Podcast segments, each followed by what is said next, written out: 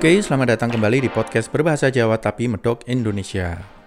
Jadi kalau teman-teman lihat judul podcast kali ini yaitu Q&A, tanya jawab, eh, semoga bisa menjawab ya.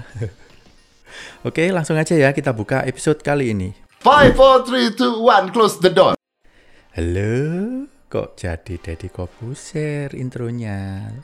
Salah channel ini bro, salah alamat. Deddy Cahyadi. Eh, Oke lanjut ya. Eh, di episode kali ini eh, saya bikin agak berbeda ya, biar isinya nggak curhat, terus nggak keluh kesah, terus tiap episode gitu. Jadi ya saya bikin tanya jawab. Ya sama lah masih main podcast podcastan, cuma saya coba kemas agak sedikit berbeda kali ini. Ya.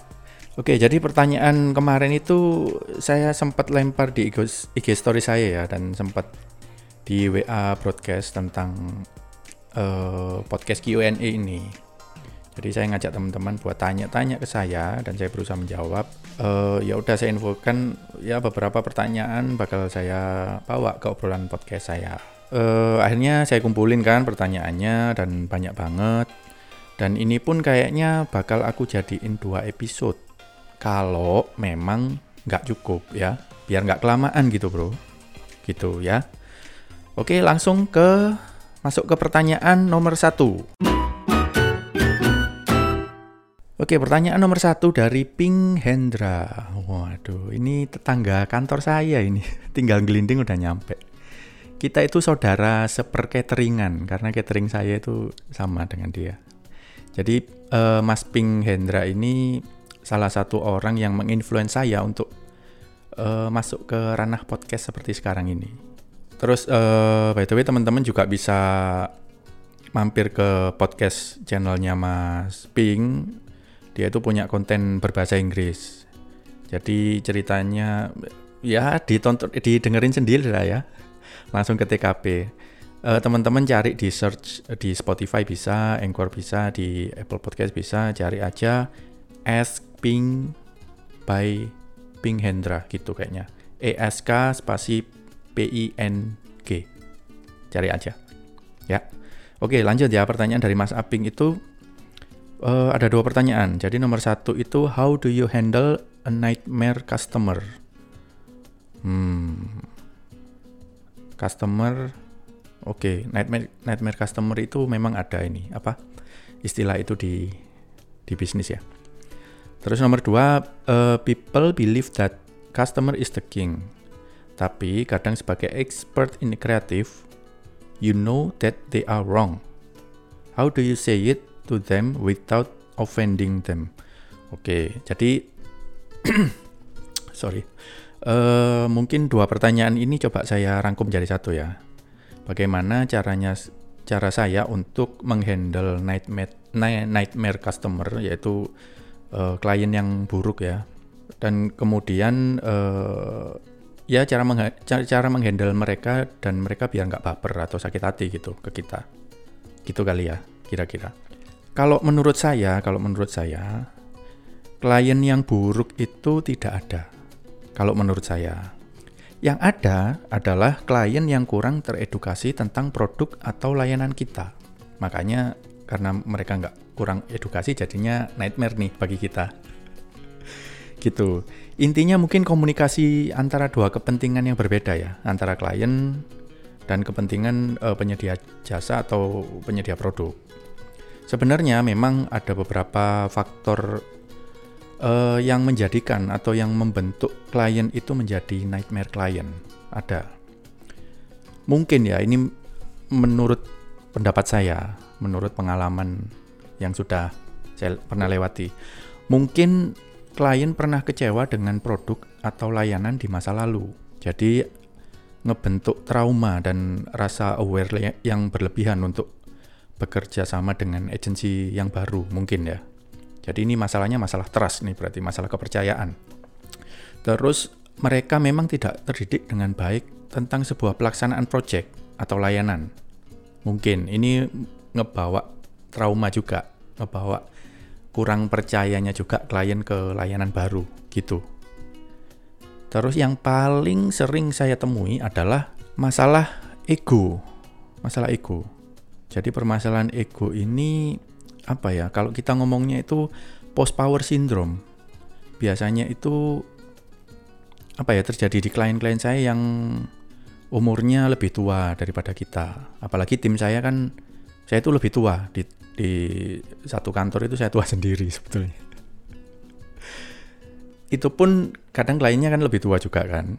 Lebih tua dari saya maksudnya.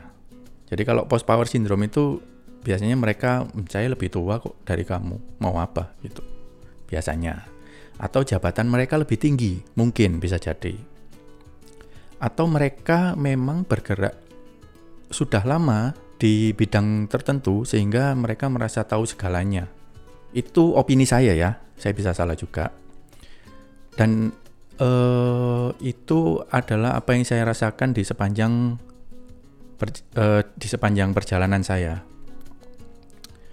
jadi mungkin saya nggak berusaha menyerang uh, klien lo ya, nggak karena di podcast saya ini juga sebetulnya banyak banget klien-klien saya yang mendengarkan mulai dari episode pertama loh. Aduh, saya tersanjung sekali. Terima kasih ya, Bapak Ibu.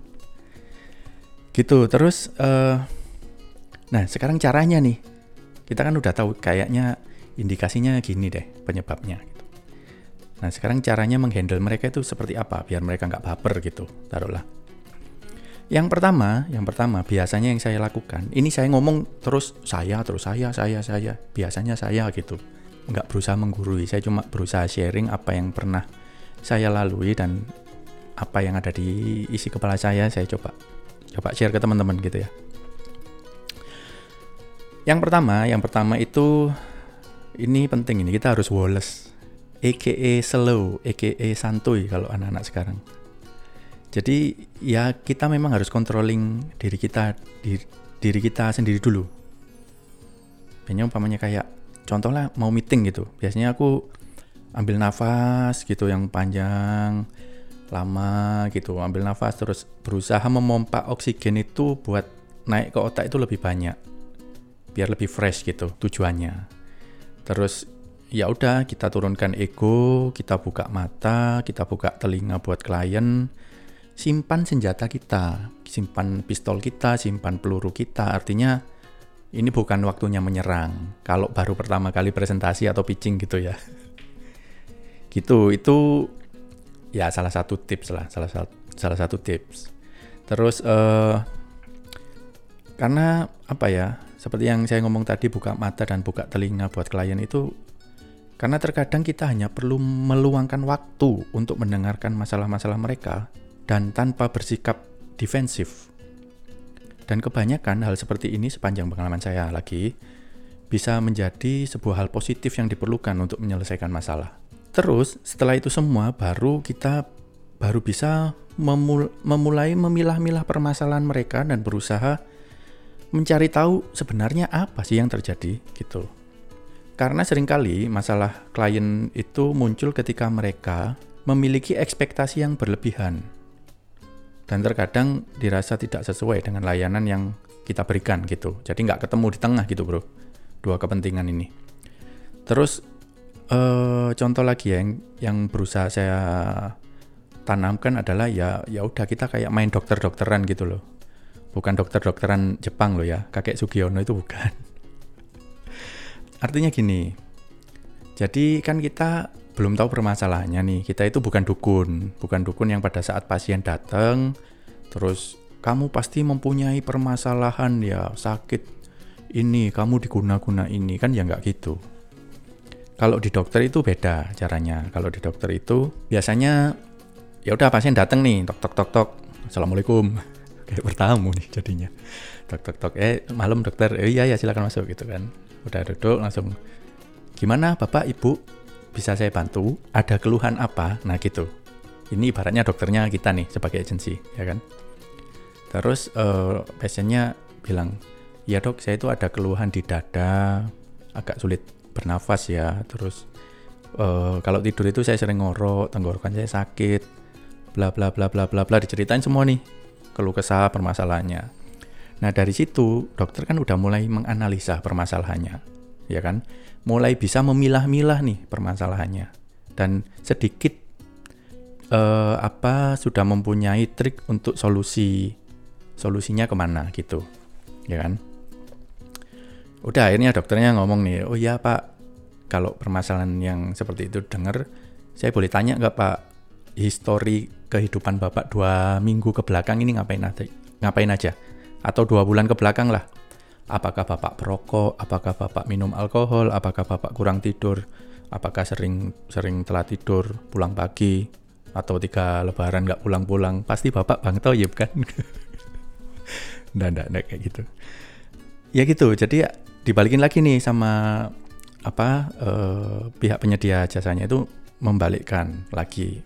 Jadi ada dua komunikasi, eh sorry ada komunikasi dua arah yang terjadi di sana untuk mencari jalan tengah, ya kan? Nah setelah semua itu terlewati kan pasti baru tindakan nih. Kalau di agensi baru nih kita jualan. Kalau udah ketemu titik tengahnya gitu, baru kita jualan di sana di di momen itu, di momen kalau udah hampir menuju satu titik tengah. Artinya sama seperti contoh dokter tadi itu, eh, begitu udah sampai ke hampir ketemu titik tengah, udah ada indikasi oh bapak adalah sakit ini ini ini ini ini. Solusinya adalah pak bisa minum obat, bisa rawat jalan atau bisa nginep di rumah sakit. Nah, kan ada beberapa pilihan solusi gitu kan dengan harga yang beda-beda. Sama juga seperti di agensi juga. Oh, yang setelah kita lihat permasalahannya, oh, Bapak itu butuh option A, option B, option C atau service A, service B, service C kan seperti itu. Dan tiap-tiap poin itu kan ada ada harga yang harus dibayarkan juga oleh pasien di mana ini adalah klien. Ya kan? Oke, Pak, saya cuma mau obat aja deh berarti budgetnya ya sesuai dengan obatnya, ya kan? Atau saya mau ini Pak, uh, kalau dokter menyarankan saya harus opname atau CT scan lah mungkin. Itu harganya kan juga beda. Itu sama juga seperti yang uh, kami lakukan di agensi ini. Kita selalu membeli memberi pilihan kalian mau ngambil yang mana. Kalau ini harganya segini, kalau ini harganya segini. Sama sebetulnya. Jadi semoga teman-teman ini ya uh, nangkep uh, analogi dokter-dokteran ini dan dan mengerti gitu ya saya agak agak susah ini nyari contoh-contohnya artinya kan ya komunikasi dua arah itu kan penting tanya jawab ketemu permasalahannya udah dipilah-pilah solusinya apa segala macam segala macam sorry aku kok pengen bersin ya hmm. nah pada saat kita berusaha me, apa, melakukan komunikasi dua arah itu artinya kan kita membuka diri ke klien gitu loh. Bener gak sih? Artinya kita harus bisa mengedukasi klien bahwa apa ya di setiap effort yang dikerjakan di sebuah apa ya kesepakatan itu pasti kan ada biaya, ada biaya karena di sana itu di balik sebuah project itu kan ada effort yang terjadi ya kan. Kalau dari sisi saya ya harus bayar graphic designer, harus bayar kantor, harus bayar karyawan eh, karyawan-karyawan yang lain, harus bayar diri saya sendiri untuk menggaji diri saya sendiri. Jadi seperti itu. Di edukasi di sisi itunya di awal lebih baik. Lebih baik rame di awal daripada rame di tengah-tengah project atau di belakang project. Jadi kita lebih terbuka aja. Terus lebih diperjelas lagi nih, ekspektasinya klien sampai mana. Dan ekspektasi kita sejak awal itu sampai mana karena memang di awal ini adalah diskusi di awal ini bisa sangat menjadi penting karena itu bakal menentukan kelancaran sebuah project atau pekerjaan. Dan semoga klien kalau bisa menerima ya nggak jadi nightmare klien lagi nggak jadi klien yang buruk lagi. Karena sudah kita sudah terbuka sudah berkomunikasi dan harusnya mereka sudah tahu. Ya artinya kita memposisikan kedudukan itu klien dan kita itu sama. Karena pada saat nanti project ini berjalan, kalau approve nih ada uh, ada kesepakatan antara kita berdua penyedia produk atau jasa ini, klien menuntut kita profesional, artinya kita juga berhak untuk menuntut klien menjadi profesional. Artinya seperti ini. Oke mas, buat kesepakatan kerja ya. Oke, aku bakal memakai servismu nih, ya kan? Sesuai ekspektasi. Ekspektasinya itu juga kita jangan terlalu over promises tuh untuk ke klien. Biasanya yang saya yang saya yang saya apa namanya berikan itu adalah under promises. Jadi nggak banyak janji yang saya berikan. Tapi kalau memang hasilnya baik dan kita bisa melakukan lebih terbaik, itu kasih ke mereka. Under promises and over a result. Gitu sih. Terus ya udah artinya pada saat mereka nuntut kita uh, profesionalisme kita, kita juga berhak menuntut sisi profesionalnya klien. Ya kan, klien itu juga harus profesional juga loh teman-teman. Menepati kesepakatan kerja, ya kan. Ya kalau bisa jangan mundur-mundur pembayarannya sesuai dengan kesepakatan.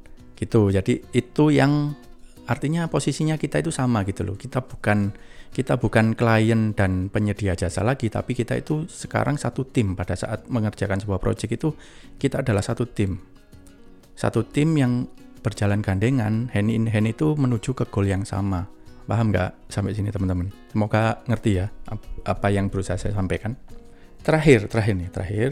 Kalau semua jalan tengah dan effort bagus kita itu mengalami jalan buntu karena klien masih ngeyel atau memang klien keras kepala dan udah dead end ini nggak ada jalan lain dan kita nemuin jalan buntu ya sudah kita juga jangan ngeyel juga untuk tetap berusaha mendapatkan job atau project ini dari klien udah lepaskan aja nggak apa-apa.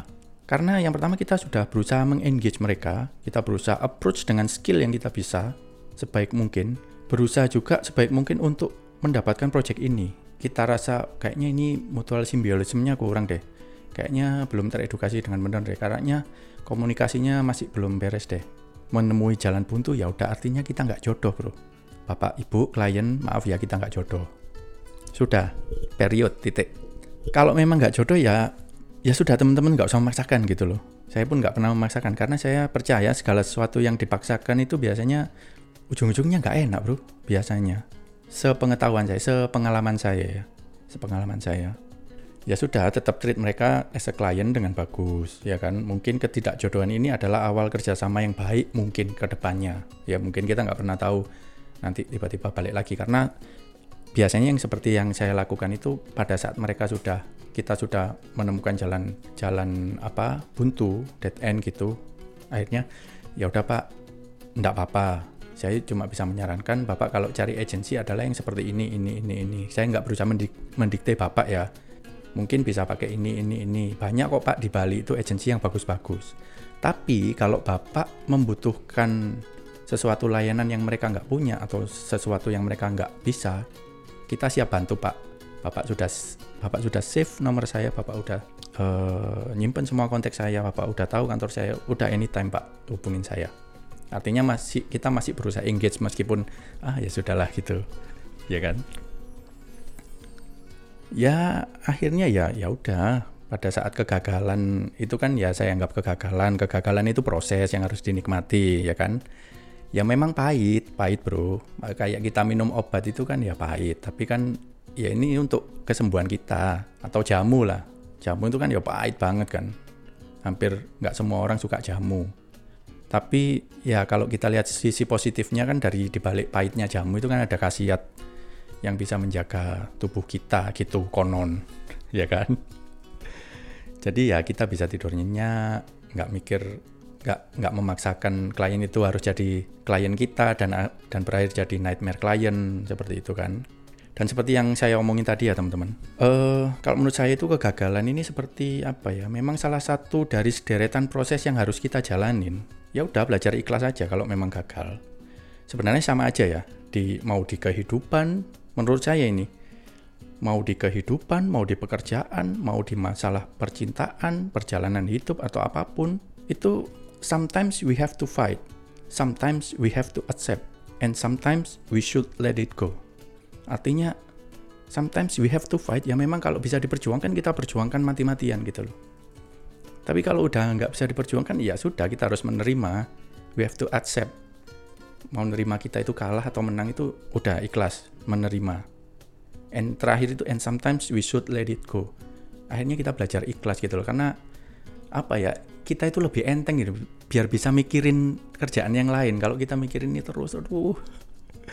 Wah banyak yang terjadi di otak kita. Karena sebetulnya saya saya ini orangnya kan apa ya overthinker. Saya itu terlalu banyak mikir gitu loh saya itu.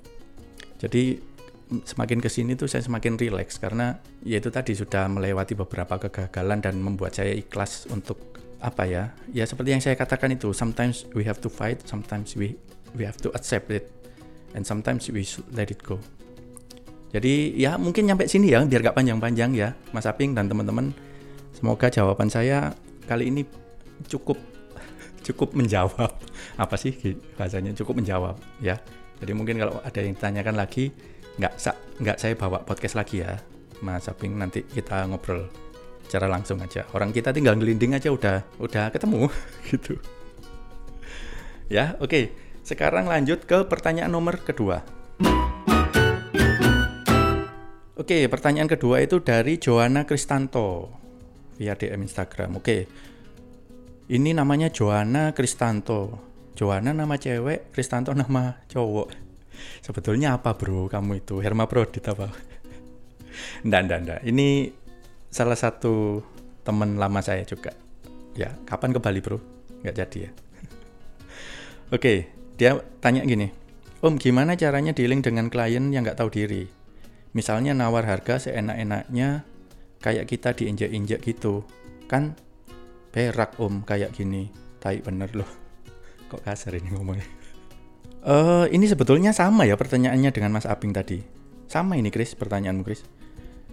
Jadi gimana caranya dealing dengan klien yang nggak tahu diri itu sebetulnya ya nightmare klien. Nawar harga seenak-enaknya kayak kita diinjak-injak gitu om. Um, kalau aku mau ini ya, kalau aku mau nebak boleh nggak Chris? Kalau aku nebak itu pasti kamu jualannya ke teman sendiri pasti. Ya kan?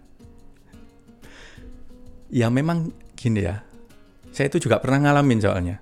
Jadi apalagi kultur di Indonesia ya yang selalu mengedepankan uh, pertemanan, guyup rukun gitu kan. Itu sering disalahgunakan untuk apa ya? Disalahgunakan untuk nawar untuk dealing, untuk dealing ke sebuah bisnis entah itu membeli produk, entah itu jasa atau segala macam.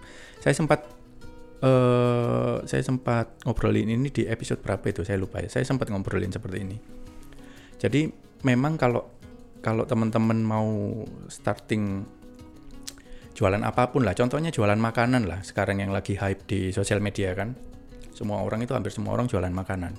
Kalau dari teman-teman sebagai penjual, ya kan, kalau menjual ini juga sebagai momen ini bisa juga sebagai momennya teman-teman untuk ngefilter temen yang beneran temen itu seperti apa gitu. Gimana sih temen yang beneran temen? Iya gitu kayak gitu kan temen yang beneran temen itu seperti apa filternya itu momennya sekarang pada saat mereka membeli daganganmu produkmu layananmu tanpa ada nawar harga seenak-enaknya maksudnya masih reasonable lah penawaran harganya itu. Itu adalah temen yang wajib kalian pertahankan karena dia itu suportif. Biasanya kan gini Allah pakai temen sen Allah temen sendiri aja segitu banget sih kamu sama temen sendiri. Kan kita temen. Oh, kan gitu biasanya. Ya ini ya kalau dari saya sih yang perlu dihindari seperti ini. Artinya pada saat kita ngomongin bisnis klien is a client. Klien itu tetap klien meskipun dia teman kita. Beda ceritanya kalau di luar pekerjaan. Terserah kalian mau neraktir mau mau macarin dia kalau beda jenis atau sesama jenis kalian suka juga terserah.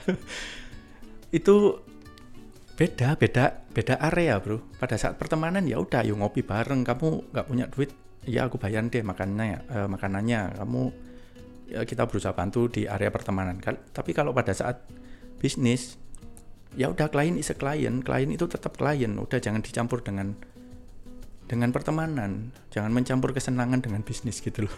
Gak sehat. Itu sih saran dari saya. Boleh didengarkan apa enggak? Ya monggo silahkan. Tapi itu berdasarkan pengalaman saya bertahun-tahun saya sering juga menemuin hal seperti itu.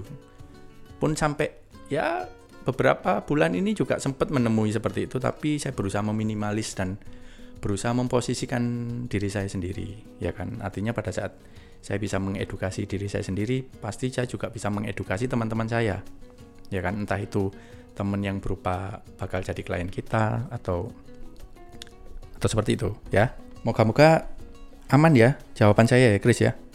Harusnya sih aman ya. Oke. Terus lanjut ke pertanyaan berikutnya. Pertanyaan ketiga.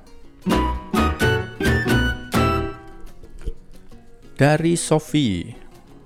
Filosofi. Waduh. Ini tetangga kantor juga ini. Tetangga-tetangga semua ini.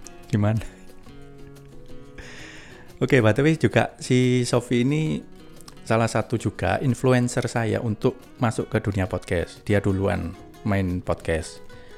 Terus uh, kalau teman-teman mau, terutama teman-teman yang ingin tahu tentang merantau-merantau di Bali seperti apa, itu Sofi ini ngebahas di podcastnya. Jadi teman-teman langsung mampir aja ke sono di apa sih namanya ini mu, Sof?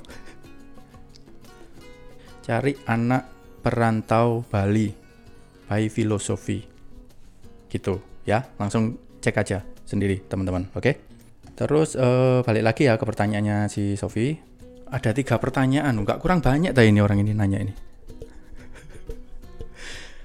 oke nomor satu ya pertanyaannya uh, bagaimana cara bertahan sebagai entrepreneur di tengah covid waduh pertanyaannya terus uh, yang kedua creative thinking ala Fami Maliki waduh creative thinking. Oke.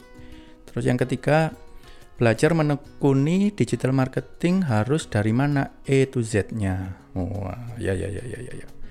Ya wes kayaknya ini panjang, bakal panjang ini tiga loh. Gila ini Sofi ini. Ya ya, terus co uh, coba aku jawab ya, coba aku jawab. Nanti kalau memang kepanjangan aku putus di part keduanya. Oke. Okay? uh, sebenarnya sebenarnya kalau kalau cara bertahan atau tips khusus untuk bertahan di era pandemi seperti ini nggak punya saya saya nggak bisa jawab saya nggak bisa jawab saya nggak bisa jawab beneran karena ya apa ya ya memang saya nggak punya tipsnya nggak nggak punya apa ya cara-cara untuk bertahan itu cara-caranya seperti apa nggak punya soalnya ya sa saya baru pertama kali juga kena pandemi seperti ini ya kan ya semua orang sih seluruh dunia itu ini saat pertama mereka untuk menghadapi pandemi, ya kan? Ini coba saya jawab sesuai dengan balik lagi isi kepala saya ya. Jadi pada dasarnya, pada dasarnya itu pada saat kita memutuskan untuk mendevelop sebuah bisnis atau kewirausahaan atau apa ya, entrepreneurship, ya kan? Pada saat kita memutuskan untuk mendevelop sebuah bisnis, itu adalah sebuah pembentukan latihan untuk kita bereaksi terhadap sebuah hambatan. E, pada saat saya membuka perusahaan itu adalah salah satu proses pembentukan dan proses latihan saya untuk bereaksi terhadap sebuah hambatan. Begitu juga dengan pandemi ini, ini juga hambatan sebetulnya. Hambatan, hambatan skalanya lebih gede sekarang hambatannya. Jadi kita harus dituntut untuk lebih kreatif gitu. Jadi mungkin yang kita perlukan ya, apa ya yang kita pikirkan adalah kayaknya ya kita harus kembali ke diri kita masing-masing gitu loh. Gimana kita tetap bisa makan, gimana buat para pengusaha ya, gimana caranya biar perusahaannya tetap bisa bertahan. Tentunya semua orang mempunyai cara sendiri-sendiri untuk bertahan hidup, ya kan? Sesuai skill mereka, sesuai dengan apa yang mereka punya. Terus berpikir kreatif juga salah satu cara untuk bertahan di situasi yang sulit seperti ini. Ya, ini sekalian menjawab pertanyaan ketiga tadi ya, Sofia. Artinya kita kudu tahu arti kreatif itu dulu sebenarnya apa sih? Apa sih kreatif itu? Kreatif itu adalah cara berpikir kita untuk memecahkan sebuah masalah dengan sudut pandang yang lain. Kalau menurut saya, atau dari kata dari kata kreatif sendiri itu kan asal katanya dari create atau menciptakan. Artinya uh, kreatif itu adalah cara berpikir untuk memecahkan sebuah masalah dengan ide-ide baru atau cara pikir yang baru. Itu juga bisa diartikan seperti itu. Apalagi di era pandemi seperti ini ya, sebenarnya kan ya sekali lagi nggak ada yang siap. Seluruh dunia itu nggak siap bro. Pemerintah kita juga nggak siap, pemerintah di beberapa negara juga nggak siap. Makanya ya regulasinya berubah-berubah, ya kan? Ya karena bukan karena pemerintah nggak becus ya karena mereka juga nggak siap juga dengan dengan keadaan seperti ini tuh nggak ada trainingnya kuliahnya menghadapi pandemi itu belum belum diajarkan gitu loh. Jadi nggak ada yang siap memang. Jadi ya kita harus dipaksa berpikir out of the box gitu loh. Tetap bergerak terus bergerak mencari celah. Meskipun kita sekarang celahnya lebih sempit ya, tapi kita berusaha untuk tetap bergerak mencari celah, mencari peluang uh, dan ya udah kalau begitu dapat kita kerjakan sebaik-baiknya. Kayak gitu kali ya. Itu terus uh, apa tadi yang ketika belajar menekuni digital marketing harus dari mana ya E to Z-nya.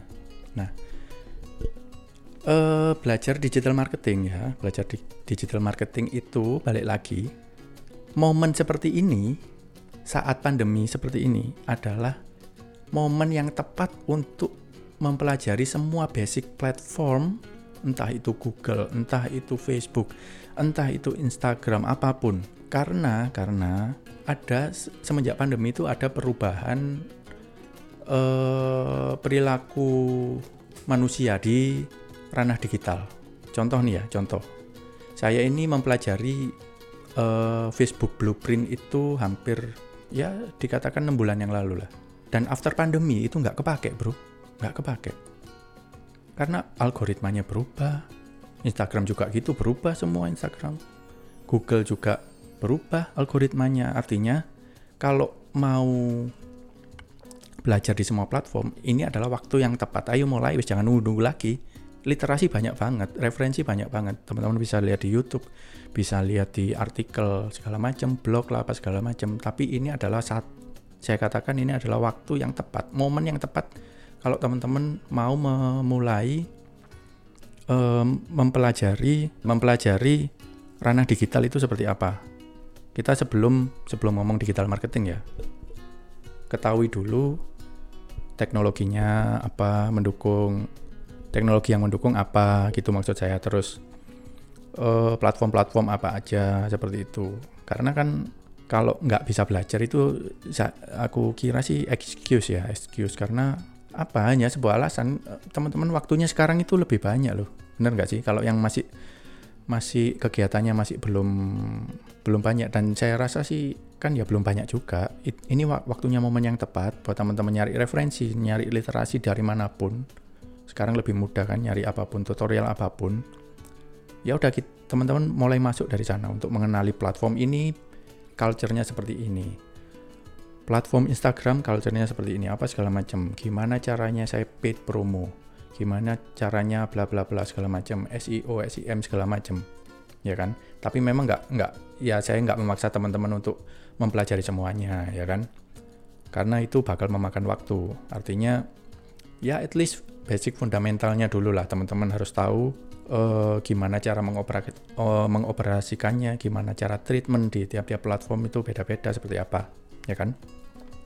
Baru kita ngomongin marketing, baru kita ngomongin marketing. Jadi digital marketing itu ya ya marketing, tindakan pemasaran di area digital. Artinya teman-teman juga harus tahu uh, marketing itu apa sih, ya kan? Marketing itu ya pemasaran sebetulnya. Cuma uh, semakin ke sini kan evolusinya semakin banyak gitu loh perubahan-perubahan dari pemasaran itu balik lagi ya harus kreatif harus cari ide-ide baru gimana cara kita ber memasarkan sebuah produk atau layanan gitu kan nah intinya pokoknya uh, kalau dari marketing itu usahakan teman-teman berbicara di bahasa yang sama artinya di bahasa ketertarikan yang sama Benar nggak? Artinya gini, kalau kita ngomong marketing, kita itu bakal didengar oleh pasar kalau pasar itu mempunyai ketertarikan yang sama dengan produk atau layanan yang bakal kita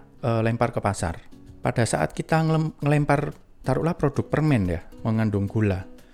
Gimana caranya kita menganalisa orang-orang ini uh, harus tepat. Jadi orang-orang yang diabetes, yang punya masalah obesitas itu kan ya nggak mungkin kita jualan permen ke mereka, produk gula ke mereka ya kan. Jadi segmentasi itu penting, membaca pasar penting, membaca tren penting. Selain kita mempelajari teknik gimana caranya uh, menceritakan produk kita lihat uh, lewat platform-platform yang ada tadi yang saya sebutkan di awal tadi.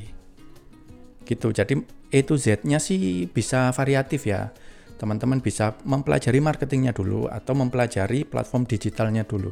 Tergantung teman-teman karena ya balik lagi variatif. Ada beberapa orang yang nggak begitu teknikal pada saat udah nemuin teknikal gitu udah putus asa udah kayaknya ini bukan duniaku gitu itu yang terjadi bener nggak sih ya udah berarti belajar dari sisi pemasarannya kalau memang teman-teman nggak mampu di digital marketing artinya kalau teman-teman menguasai marketing berarti harus nyari orang yang teknis ngerti digital ya kan?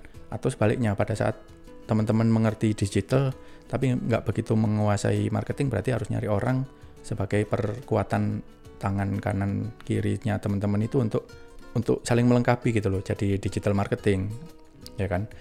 Saya pun saya pun itu juga masih sering belajar. Belajar artinya ke junior eh, saya nggak ngomong junior senior ya ke teman-teman yang baru masuk itu kadang ya saya tetap tetap tetap membuka komunikasi apa sih yang baru sekarang kayak gimana kayak gimana akhirnya ya terbentuklah tim itu digital marketing itu kalau teman-teman mau start di sana ya di sana gitu. Artinya saya balik saya balikkan lagi ke teman-teman mau mempelajari marketingnya dulu atau mau mempelajari digitalnya dulu. Alhamdulillah, wah syukurilah kalau teman-teman bisa mempelajari dua-duanya, ya kan? Seperti itu. Jadi sudah terjawab ya, Sofia? Sudah terjawab ya, panjang loh ini. Terus untuk uh, pertanyaan keempat, Maurin, ini calon klien saya ini aduh kok nongol di sini ya udahlah Mas untuk belajar analisis sosmed eh, apa sih ini untuk belajar analisis sosmed itu apa aja yang harus dipelajari wah ini teknis ini ya. Panjang ini soalnya. Mbak Maurin eh, apa ya basic basic ininya aja ya basic apa yang diperlukan untuk menganalisa ya. Artinya banyak platform-platform seperti Google Google Trend atau beberapa tools yang tersedia di cari yang gratisan dulu aja lah, jangan yang berbayar. Pelajari dulu arah nanti kan biasanya platform-platform itu bakal menyajikan statistik ya kan demografi Bali, ketertarikannya ini apa segala macam. Belajar dari situ dulu aja Mbak untuk meng apa ya menganalisa pasar. Terus kira-kira umpamanya taruhlah di Bali Selatan ini banyak yang ngobrolin ini. Memang ya butuh waktu untuk untuk memilah-milah analisa statistik itu, tapi nggak butuh kita seorang rocket scientist untuk mengartikan sebuah statistik itu. Kita baca aja udah, oh kayaknya ini Jawa Timur bagian timur gitu, kayaknya lebih banyak ngomongin busana muslim, fashion apa segala macam. Kayaknya kalau aku pro punya produk jilbab atau pakaian muslim itu bisa aku pasarkan ke sana ya. Entah itu dari marketplace, entah itu dari Facebook, entah itu dari semua platform. Tapi yang jelas memang analisis itu uh, penting, nggak hanya di sosmed ya Mbak. Jadi analisis itu ya memang penting. Otak kita kan memang basicnya itu diciptakan oleh Tuhan itu untuk memproses data dan menganalisa sebuah sebuah keadaan gitu. Jadi ikutin tren, menganalisa tren, terus uh, apa yang kita bisa tawarkan ke tren itu agar bisa diterima dari sisi marketingnya. Ini untuk untuk keperluan marketing kan ya, Mbak Maurin. Gitu. Untuk sisanya kayaknya udah ada jawaban sebelum pertanyaan ini deh, Mbak. Nanti kalau masih ada pertanyaan ini di minggu-minggu ini kan kita ada meeting nih. Ya nggak apa-apa tanyain aja. Gitu ya. Terus ini terakhir nih, terakhir ya, terakhir. Aku jadiin part 1 aja deh. Jadiin part 1 nanti ada part 2-nya. Terus terakhir untuk part satu kali ini dari Purwa Darmana di Instagram ya DM. Pak Purwa ini, apa kabar Pak Purwa sehat ya? Ini beliau ini adalah salah satu ya petinggi lah, istilahnya petinggi dia. Jadi dulu sempat jadi klien saya, terus ya saya banyak belajar juga dari beliau cara kepemimpinan, cara leadership apa segala macam. Uh, seperti itu. Jadi pertanyaannya Pak Purwa sebentar mana? up and down story behind your well development business. Lesson learned for us. Uh, ini pertanyaannya yang mana ya nih Pak? Aduh, yang mana ini? Atau mungkin uh, sebentar, saya, saya baca lagi Pak ya. Oh ini kayaknya bukan pertanyaan. Maaf Pak, saya salah tangkap. Ya mungkin kalau Bapak berkenan ya monggo silahkan mendengarkan episode pertama saya sampai terakhir itu saya sempat curhat di sana proses developing bisnisnya Pak. dan saya nggak berusaha menggurui loh. Sebetulnya Pak Purwo yang lebih ahli ini. Ya udah gitu aja kali Pak ya. Gitu aja. Saya bingung mau jawab apa. Ya udah mungkin gitu aja ya Pak Purwo. Eh, terima kasih Pak udah udah menyumbangkan waktunya kirim DM ke saya dan eh, sehat-sehat terus ya Pak Purwo. Oke, eh, untuk teman-teman semuanya ini saya potong jadi part 1.